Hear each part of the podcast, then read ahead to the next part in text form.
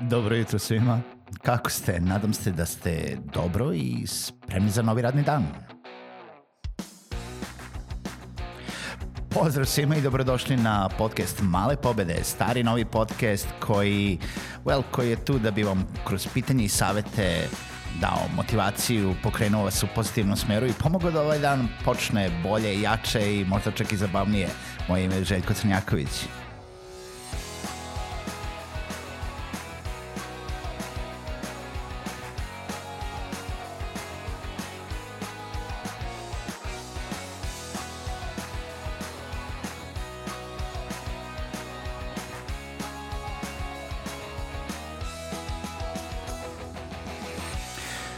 Pozdrav svima, dobro jutro i dobrodošli u novu epizodu podcasta Male pobede. Nadam se da slušate ovo kada je predviđeno da se sluša rano ujutru, kada idete na posao ili tek kada stignete na posao ili kada počnete, počinjete da radite posao od kuće, da vam dan nekako bolje počne, da vam bolje prođe i da vam možda malo razmrdam vijuge i razmišljanja u tom nekom preduzetničkom smislu. Svakako nebitno da li slušate ujutru, podne ili uveče, hvala vam što slušate, poslušajte druge epizode, posjetite sajt malepobede.rs, prijavite se na newsletter i naravno podržite podcast putem Patreona www.patreon.com kroz male pobede. Danas hoću da pričam sa vama zašto su neke cene nekih proizvoda, nekih usluga tako skupe. Sigurno ste uh, bili u prilici da sami sebi prokomentarišete ili nekome drugome da je nešto preterano skupo, da uh, kako uh, ta osoba ili ta prodavnica ili taj brand se usuđuje da nešto tako naplati skupo ili ko to kupuje kad je tako skupo ili u neku ruku da vas iznenadi cena neke usluge ili nekog proizvoda. I sad to je nebitno da li je to neki neki fizički proizvod, da li je to neki možda luksuzni sat, da li je to neki automobil, da li je to uh, nešto što inače vi koristite, našli ste negde mnogo povoljnije, a ovde gde ste sada videli cena je znatno višlja, da li je to neka usluga, da li je to, ne znam, edukacija, da li je to konferencija, da li je to kozmetika, da li je to gadget, da li je to animirani video, šta god to bilo, sigurno ste se oko nečega nekada iznenadili. I sad, zapravo, ukoliko jeste jedan od istih tih preduzetnika i imate svoje usluge ili proizvode, znate kako formirate usluge i proizvode, to jest cene tih usluga i proizvoda. Formirate ih tako što pogledate cene na tržištu, pogledate koliko vas košta produkcija, koliko uh, vas košta vaše vreme, za koliko vam se isplati da radite zapravo i onda odlučite e, i nekako formirate tu cenu. I ukoliko ste e, želite da budete tržišno konkurentni, e, ponekad će vam se ta cena svidjeti, a ponekad će biti tu na toj nekoj ivici gde ste zadovoljni dok ne, jel da, ne poboljšate vaš proizvod ili uslugu i ne možete da naplatite više ili dok ne nađete nešto drugo što ćete da prodajete, naravno. E, ali opet se dešava da neko odskače i da vas neko iznenadi i dešava se da vam neko dođe i kaže kako, kako, kako je kod tebe tako, a, a kod njega tako skupo. Pa sad ću da vam otkrijem jednu tajnu.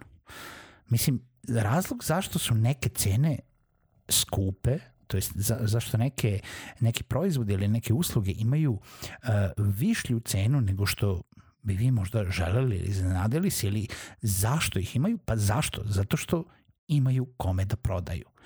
Oni imaju svoje tržište. To ne mora biti vaše tržište, to ne morate biti vi. To šta više, ukoliko ste se tako jako iznenadili, ukoliko ste tako jako revoltirani oko te cene, to skoro sigurno niste vi za tu uslugu ili taj proizvod. Ali verujte mi, ukoliko ta firma mala radnja, brand, e, preduzetnik, usluga, proizvod, šta god to bilo, postoji. I postoji već jedno vreme, znači nije juče Pera otvorio e, neku prodavnicu na ćošku, pa je sad lupio neke cene, nečega što se kod nas nikada nije pojavljivalo uh, i zatvorio za mesec dana, onda znamo da mu ne ide. Jel da? Nego ako ta neka prodavnica postoji ili usluga postoji i postoji jednostavno, onda neko to kupuje po tim cenama. To je jednostavno tako. Možemo mi svi da kažemo da uh, recimo, ne znam, kutija šibica košta 2 dinara ili 10 dinara ili 5 dinara, ne znam, ne sjećam se kad sam kupio šibice, ali nebitno, nije neka cena. Ali ako ja imam tu kutiju šibice i ja nađem načina da ja imam svoju ciljnu publiku kome ću tu istu kutiju šibica prodati za 500 dinara, 1000 dinara. I ja znam da ću je prodati, pa žao mi je da vas razočaram, ali ta kutija šibica tog nekog mog klijenta će koštati 500 ili 1000 dinara. Naravno, ukoliko je on voljen da plati, ali ja to mogu da testiram na tržištu. I ja sad ako ja konstantno mogu da nađem te ljude kojima ću ja prodati tu kutiju šibica za 500 ili za 1000 dinara, jer oni ne znaju da inače to košta 2 dinara, 5 dinara ili 10 dinara, onda sam ja našao moje tržište.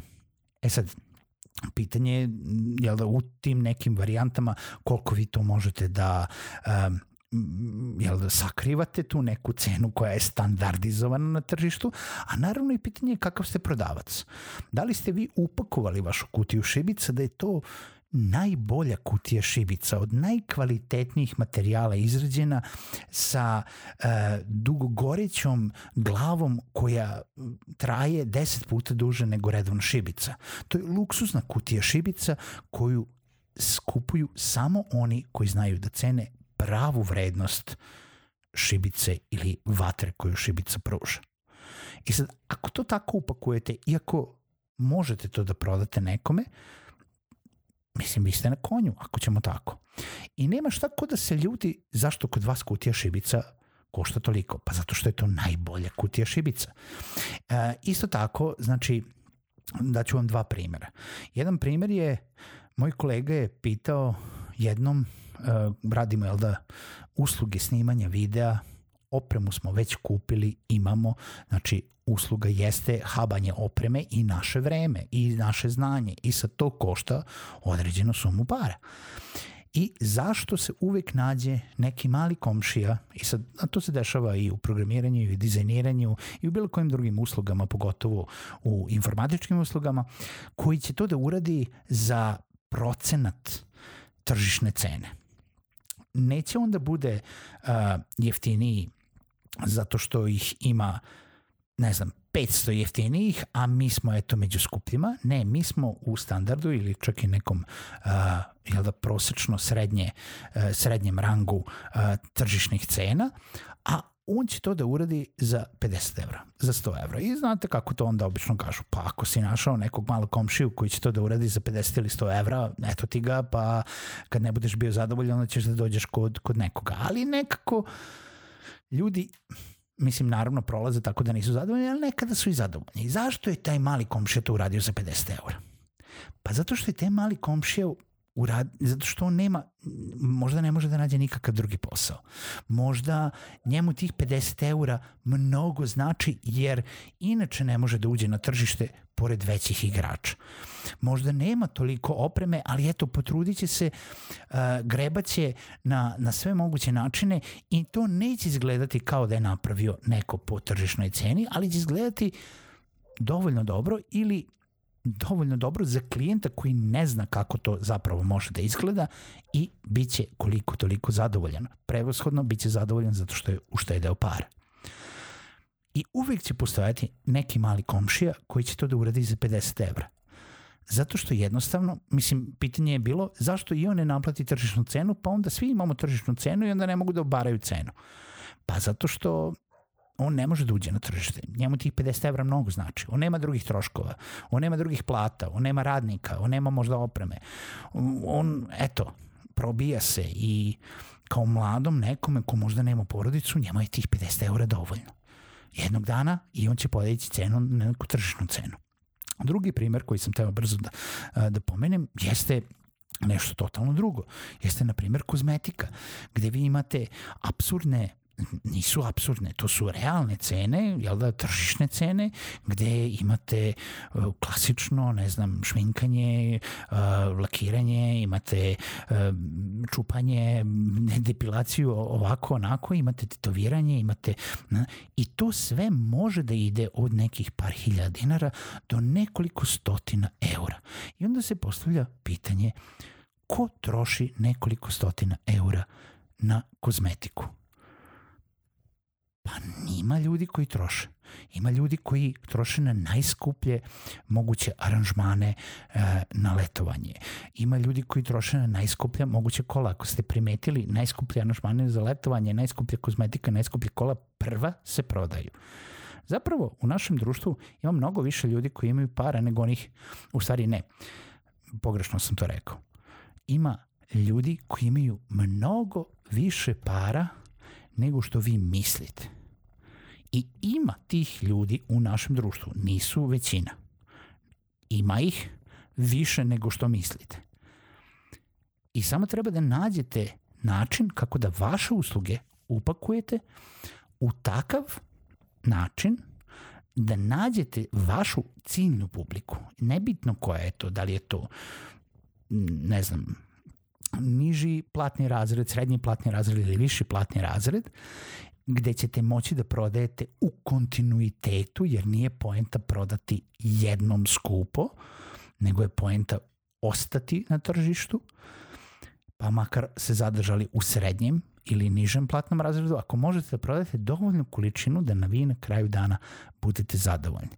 Ali nemojte se nikad zavaravati da cene na tržištu se formiraju tako što postoji ili ne postoji tržište za to. Naravno i veliki igrači ovaj utiču na cene na tržištu, ali pitanje je vaš proizvod, vaša usluga ili vaš brend koliko je rasprostranjen i koliko vi to dobro prodate i upakujete kao unikatan proizvod ili uslugu koju onda možete da kažete da košta koliko košta, koliko ste vi smislili da košta.